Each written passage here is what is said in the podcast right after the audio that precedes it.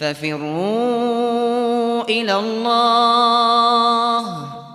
إني لكم منه نذير مبين.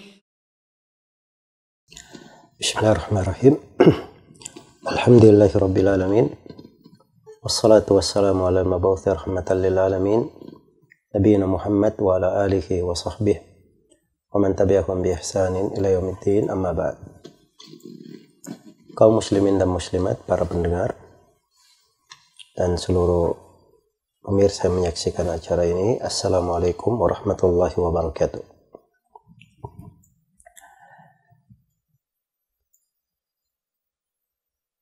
Kehidupan ini adalah kita berjalan kepada suatu arah yang pasti.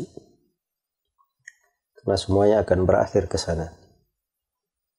Itulah kehidupan akhirat.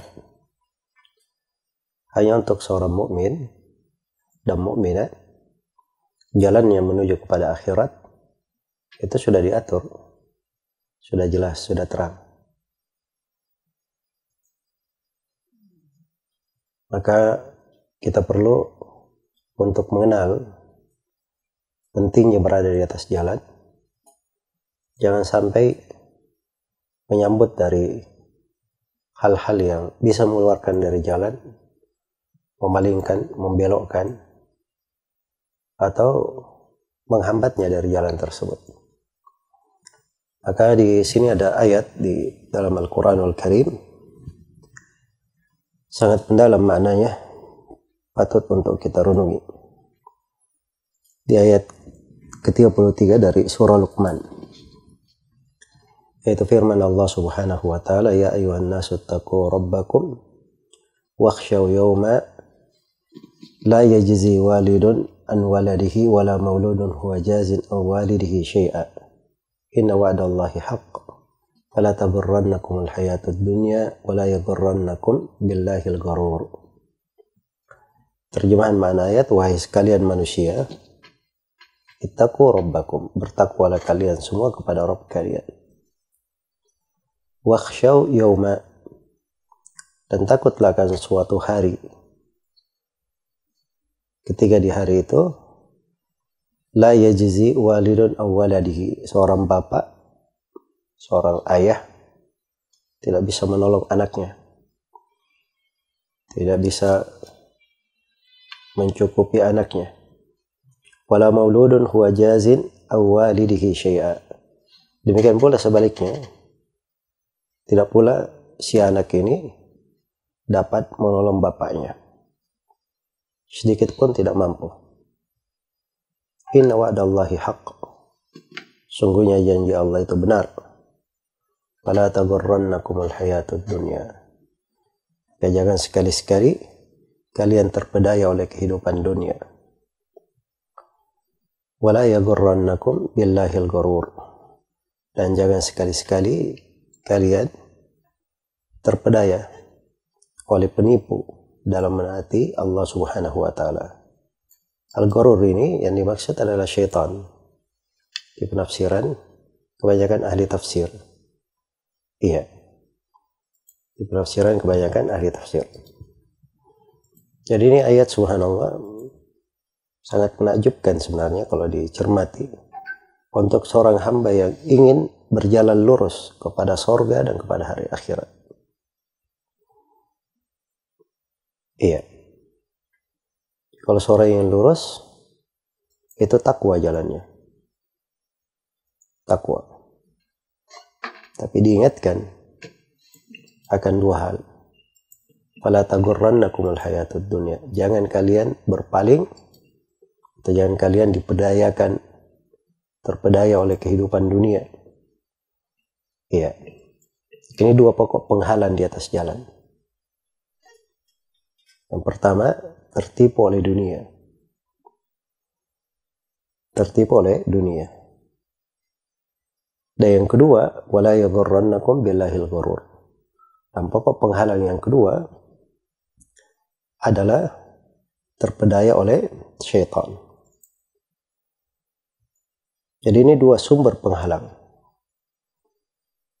Yang darinya lahir berbagai macam cobaan dan ujian yang bisa menghambat jalan seorang hamba. Iya. Jadi ini ayat subhanallah pijakan di dalam kehidupan tidak boleh kita lalaikan. Tidak boleh kita lalaikan. Dari ayat ini perlu kita renungi. Yang pertama perintah untuk selalu bertakwa kepada Allah. Dan ini adalah jalan yang mengantar kepada sorga. Dan harus kita selalu berada padanya. Dan kita bersyukur kepada Allah Subhanahu wa taala karena ibadah puasa yang kita lakukan ini, ujungnya, manfaatnya, hikmahnya adalah takwa. La'allakum tattaqun. Supaya kalian bertakwa. Iya. Supaya kalian bertakwa. Sebagaimana ketika diterangkan pembahasan-pembahasan hukum-hukum tentang puasa dan Ramadan di surah Al-Baqarah, akhirnya juga disebutkan untuk orang yang bertakwa untuk orang yang bertakwa. Dan takwa inilah jalan yang mengantar kepada Allah Subhanahu wa taala.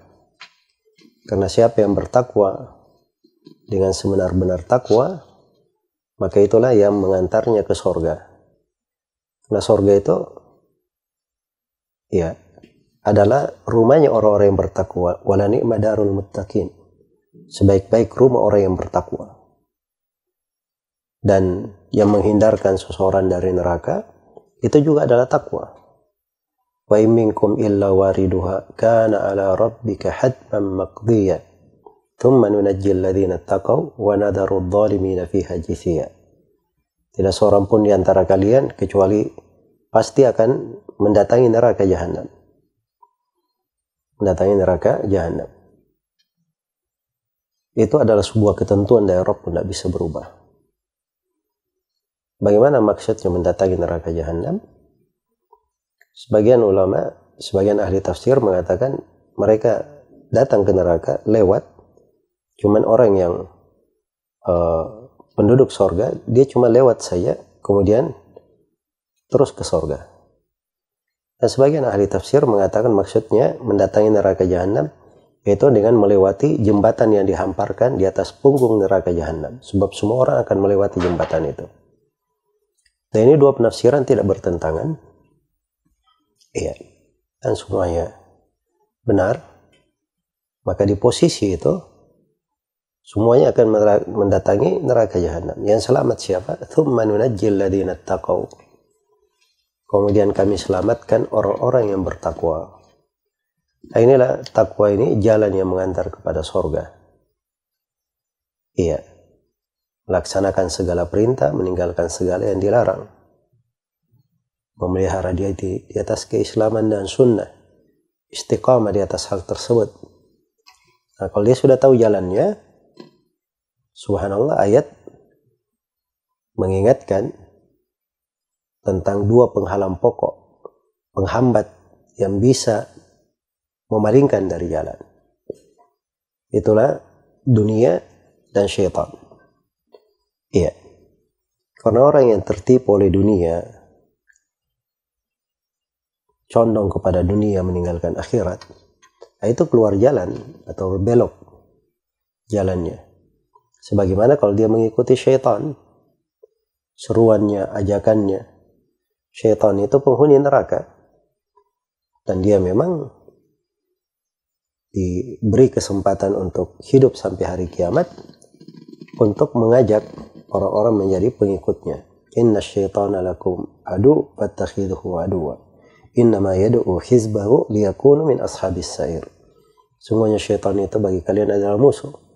Maka terus menerus kalian menganggapnya sebagai musuh. Sungguhnya syaitan ini mengajak kelompoknya untuk menjadi penghuni neraka jahanam.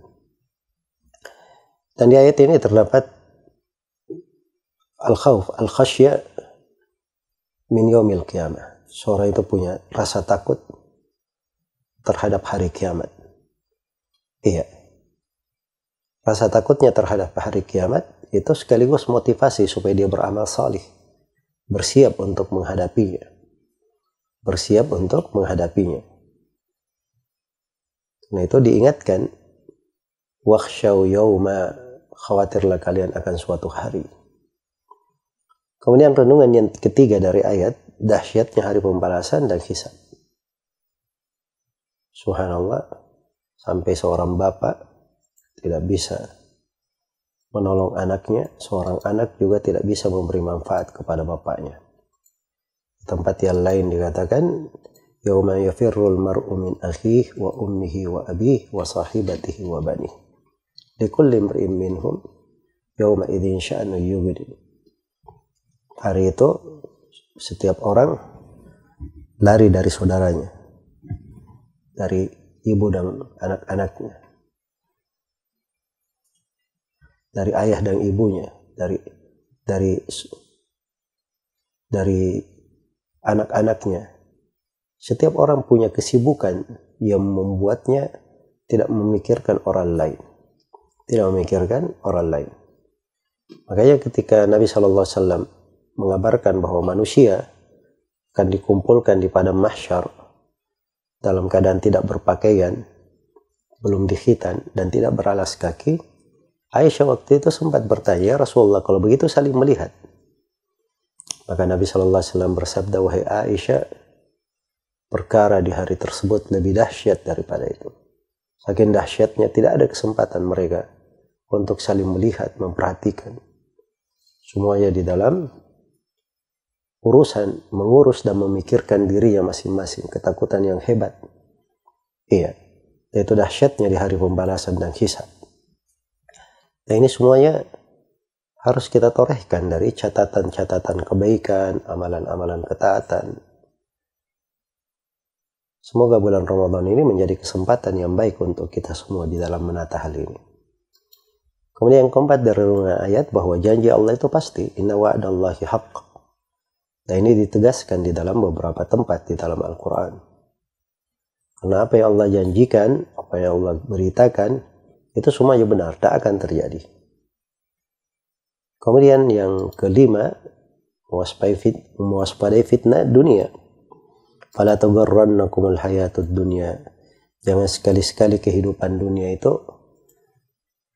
melalaikan kalian, membuat kalian terpedaya. Iya. Dunia ini tidak bisa dibandingkan dengan akhirat. Tapi dunia itu adalah tempat untuk beramal. Tempat untuk bersiap. Kalau dunia digunakan untuk akhirat itu nggak ada masalah, bagus wabtagi fima ataka Allahu daral akhirah wa la tansa nasibaka minad dunya. Cari apa yang Allah datangkan untukmu dari kehidupan akhirat, tapi jangan lupa bagianmu dari kehidupan dunia. Tapi kalau dunia menjadikan seorang itu bersombong, merasa megah, membuat dia lalai dari ketaatan, kafir kepada Allah, meninggalkan perintah, maka ini yang berbahaya. Ya, dunia ini kadang bisa menghancurkan seseorang, kadang bisa memfitnahnya, kadang bisa melalaikannya, kadang bisa menguranginya. Ibarat orang yang berjalan, kadang bisa dia palingkan, kadang bisa dia tahan, kadang dia bisa perlambat, ya tergantung bagaimana respon seseorang terhadap dunia itu. Yang terakhir di sini kita diperingatkan jangan sampai terpedaya oleh syaitan, tertipu oleh syaitan. Syaitan ini musuh, dia menyerang, menyerang dari segala sudut. Dari depan, dari belakang, dari kanan, dari kiri. Dari pintu syahwat, dari pintu syubhat. Semuanya diserang oleh syaitan. Mengalir bersama anak manusia di aliran darahnya. Maka bagi siapa yang ingin berjalan lurus, dia harus berhati-hati dari tipu daya syaitan dan dari makar syaitan. Iya. Karena itu hendaknya kita selalu pikirkan dua hal ini. Dan ini mendalam sekali renungan untuk hati. Sangat menggugah jiwa di sini. Ya kalau kita pikirkan kita ini sudah tahu jalan. Alhamdulillah kenal Islam. Mengerti jalan menuju kepada Allah dan hari akhirat. Iya. Kapan kita akan sampai ke kepada akhir hari akhirat itu? Apabila jalannya itu kita abaikan. Kita lalaikan. Kalaupun kita sudah kenal jalannya, bagaimana bisa kita selamat? Kalau kita selalu terpedaya dan tertipu oleh dunia dan syaitan. Iya. Maka ini mungkin akan membuat kita mundur dari jalan atau bisa memalingkan dari jalan. Karena itu ayat ini adalah ukuran penting sekali bagi siapa yang ingin istiqamah di atas jalan dan siapa yang ingin mewaspadai segala hal yang bisa memutus jalannya kepada Allah Subhanahu wa taala. Karena itu kita selalu bermohon supaya diberi petunjuk jalan yang lurus. Ihdinas siratal mustaqim. Ya Allah berilah kami hidayah kepada jalan yang lurus. Siratal ladina an'amta alaihim. Jalannya orang-orang yang kau beri nikmat atas mereka. Ghairil maktubi alaihim waladdallin bukan jalan orang yang disesatkan bukan pula jalan orang-orang yang dimurkai. Bukan jalan orang yang dimurkai bukan pula jalan orang yang disesatkan. Karena itu Nabi SAW dari kebanyakan doa beliau Allahumma ya muqallibal qulub Thabbit qalbi ala dinika wa ta'atik. Ya Allah yang membolak-balikkan hati. Teguhkanlah hatiku di atas agama dan ketaatan kepadamu. Semoga Allah subhanahu wa ta'ala selalu menganugerahkan kepada kita semua istiqamah di atas jalan. Melindungi kita semua dari segala fitnah. Segala hal yang bisa memutus kita dari jalan menuju kepada Allah dan kepada surganya. Innahu waliyudhalika wal qadiru. Wallahu ta'ala alam.